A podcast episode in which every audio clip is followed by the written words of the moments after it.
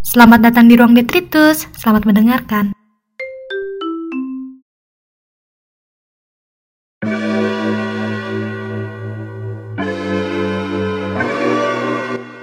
Maaf kalau misalnya banyak noise atau aku tidak sengaja bernafas di depan mic. Semoga di kemudian hari aku bisa jadi lebih baik, ya.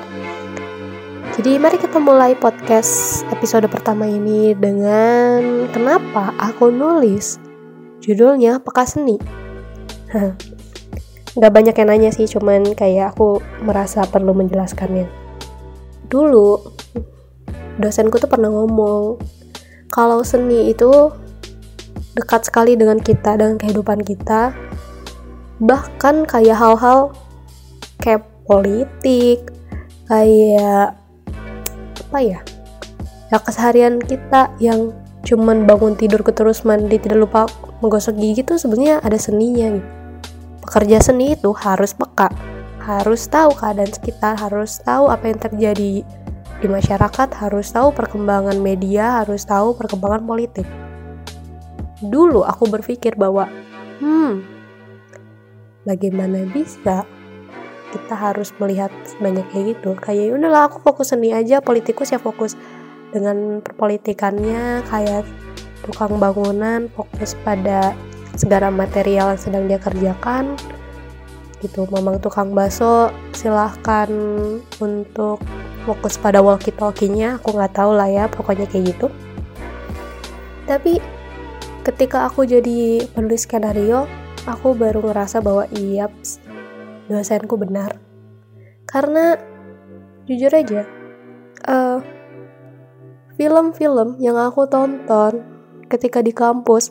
Itu beda banget sama apa yang udah aku tonton selama ini. Sebelum aku ngampus ya. Kayak kalau kita sering lihat film cerita cinta segitiga sahabat dan lain-lain film yang aku lihat ketika aku ngampus ketika aku masuk kampus itu permasalahan sepele. Ada orang yang bangun tidur makan gorengan pakai cengek lalu tiba-tiba ada diri dia dari masa depan ngasih tahu bahwa dia bakal sakit perut di, di meja dia ada gorengan cengek sama susu. Ketika kita semua berasumsi bahwa dia sakit perut karena dia makan gorengan pakai cabe ternyata dia sakit perut karena setelah dia makan dia minum susu yang kadaluarsa. Itu film sederhana banget. Dan orang kayak ya ampun masalah gitu doang jadiin film. Tapi itu jadi film yang bagus. Serius padahal cuman dari keresahan lo yang bangun tidur dan sakit perut. Dan itu aku mulai ngerasain bahwa iya ternyata seni memang lihat dari sekitar kita. Kita memang harus peka sama apa yang terjadi di sekitar kita. Keresahan-keresahan kita tuh jadi sesuatu. Dan iya ketika seni memaksa kita untuk peka nah dari situ aku mulai ngerasa juga ketika aku harus memperhatikan sekitarku untuk dapat ide kayak hmm, film kan ada namanya warna film ya. Dan warna film itu ngaruh di mood film. Kalau warm moodnya apa? Kalau cold apa moodnya apa? Si mood ini kan tentu aja kita harus fokus juga sama rasa. Balik lagi jadi seni memaksa kita untuk peka juga terhadap rasa. Nah ketika kita udah peka sama rasa hmm, kita bakal peka juga sama cinta. Jijik banget dangdut banget tapi ya emang sedalam itu maksudku jadi kenapa peka seni karena berawal dari kita yang dipaksa untuk peka terhadap seni Seni membuat kita juga peka terhadap rasa. Dan ketika kita udah peka terhadap rasa, kita bisa tahu itu cinta. Gitu. Jadi ya intinya gitu. Lo peka dulu terhadap seni. Makanya namanya peka seni karena semua berawal dari kepekaan lo terhadap seni baru kepada rasa. Lalu kamu tahu apa itu cinta. Haha. Gitu. Wah, penjelasan yang panjang. Pertanyaan kedua adalah kenapa bikin bekas seni? Jadi, seperti yang di awal aku udah bilang, bahwa tulisan-tulisan aku itu adalah tempat sampah aku, tempat aku ngeluarin segala keresahan aku.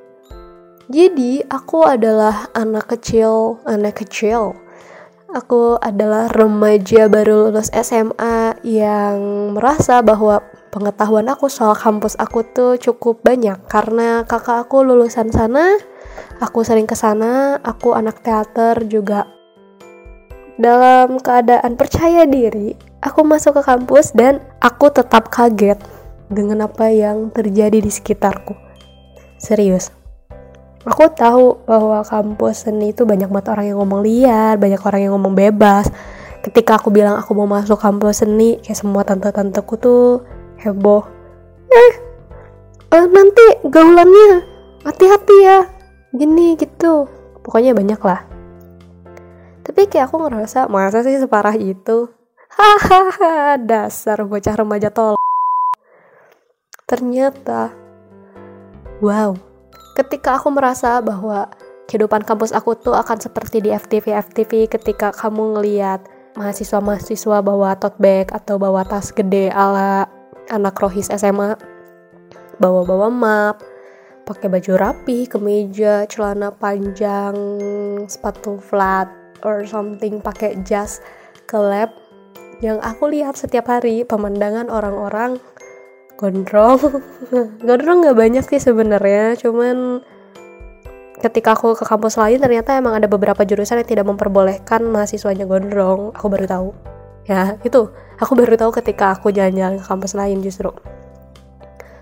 Jadi aku ngeliat tuh orang-orang gondrong dengan baju pantai celana pendek selutut mungkin terus sepatu mereka yang warna-warni kacamata warna-warna berani yang apa ngejreng. Bahkan ada yang pakai rok pendek ada yang pakai overall apa itu jumpsuit.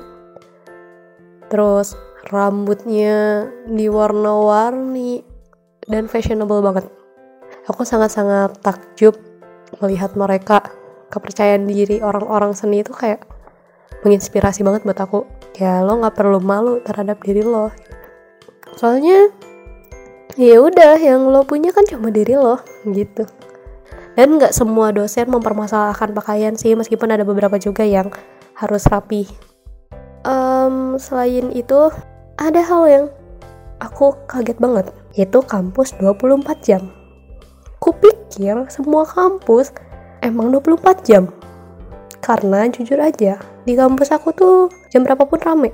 Aku waktu itu ngerjain naskah jam sampai jam 3 pagi pun aku di kampus yang ngerjainnya. Itu tuh masih banyak di sekitar aku. Anak musik anak seni rupa anak tari itu masih pada latihan. Dan ya aku pikir itu tuh normal di kampus lain.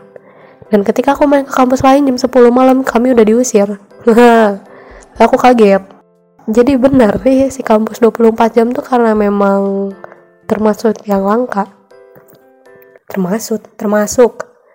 Maafin tipe uh, dari situ seperti yang kalian tahu bahwa ketika matahari ada di atas kepala dan ketika gelap gulita menyapa kesal banget bahasanya. Selalu ada dunia yang berbeda gitu.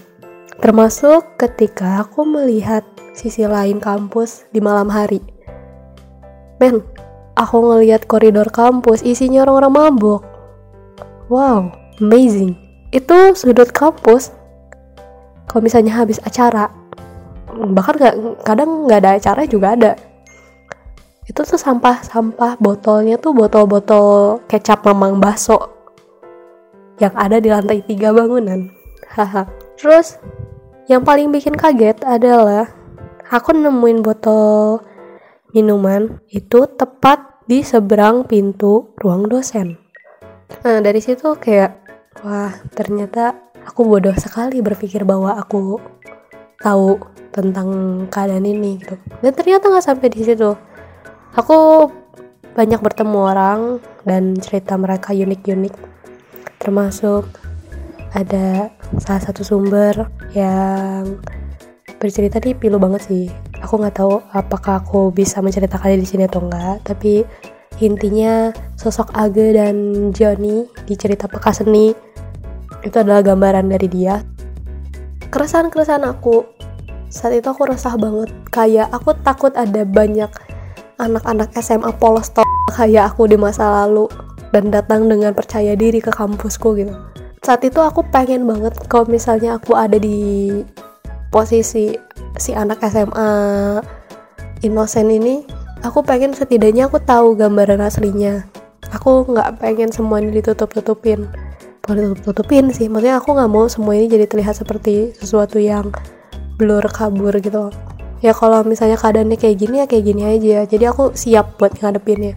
Nah makanya aku bikin peka sendiri untuk itu. Aku kayak pengen nge-warn uh, anak-anak yang mungkin kayak aku di masa lalu gitu. Buat dapat gambaran tentang apa yang mau apa yang bakal mereka hadapi di depan gitu. Bisa jadi buruk bisa jadi jelek karena aku bikin ini nggak untuk menjatuhkan tidak untuk juga menyanjung. Ya ini ya apa adanya. Apa yang aku gambarin bekas ini apa adanya. Kamu bisa ngeliat itu jadi sesuatu yang seru tapi kamu juga bisa melihat sesuatu di sana jadi sesuatu yang seram kan? Dah ini belibet banget. Ya karena itu aku nggak ada niatan untuk bikin bagus atau bikin jelek gitu. Kata ya udah aku tulis seadanya aja. Meskipun jujur aja aku masih jaga-jaga sih. Tapi juga bukan untuk jadi terlihat lebih baik tapi untuk aman dikonsumsi masyarakat. Hahaha. Jadi itu alasan kenapa aku bikin bekas seni jadi itu keresahan aku.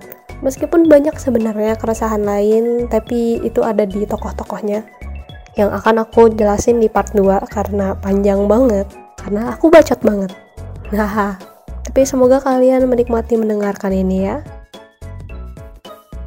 So, segitu aja untuk episode 1. Terima kasih sudah mau mendengarkan. Tapi setelah aku edit, sepertinya aku harus lebih ceria dan lebih ekspresif lagi ya.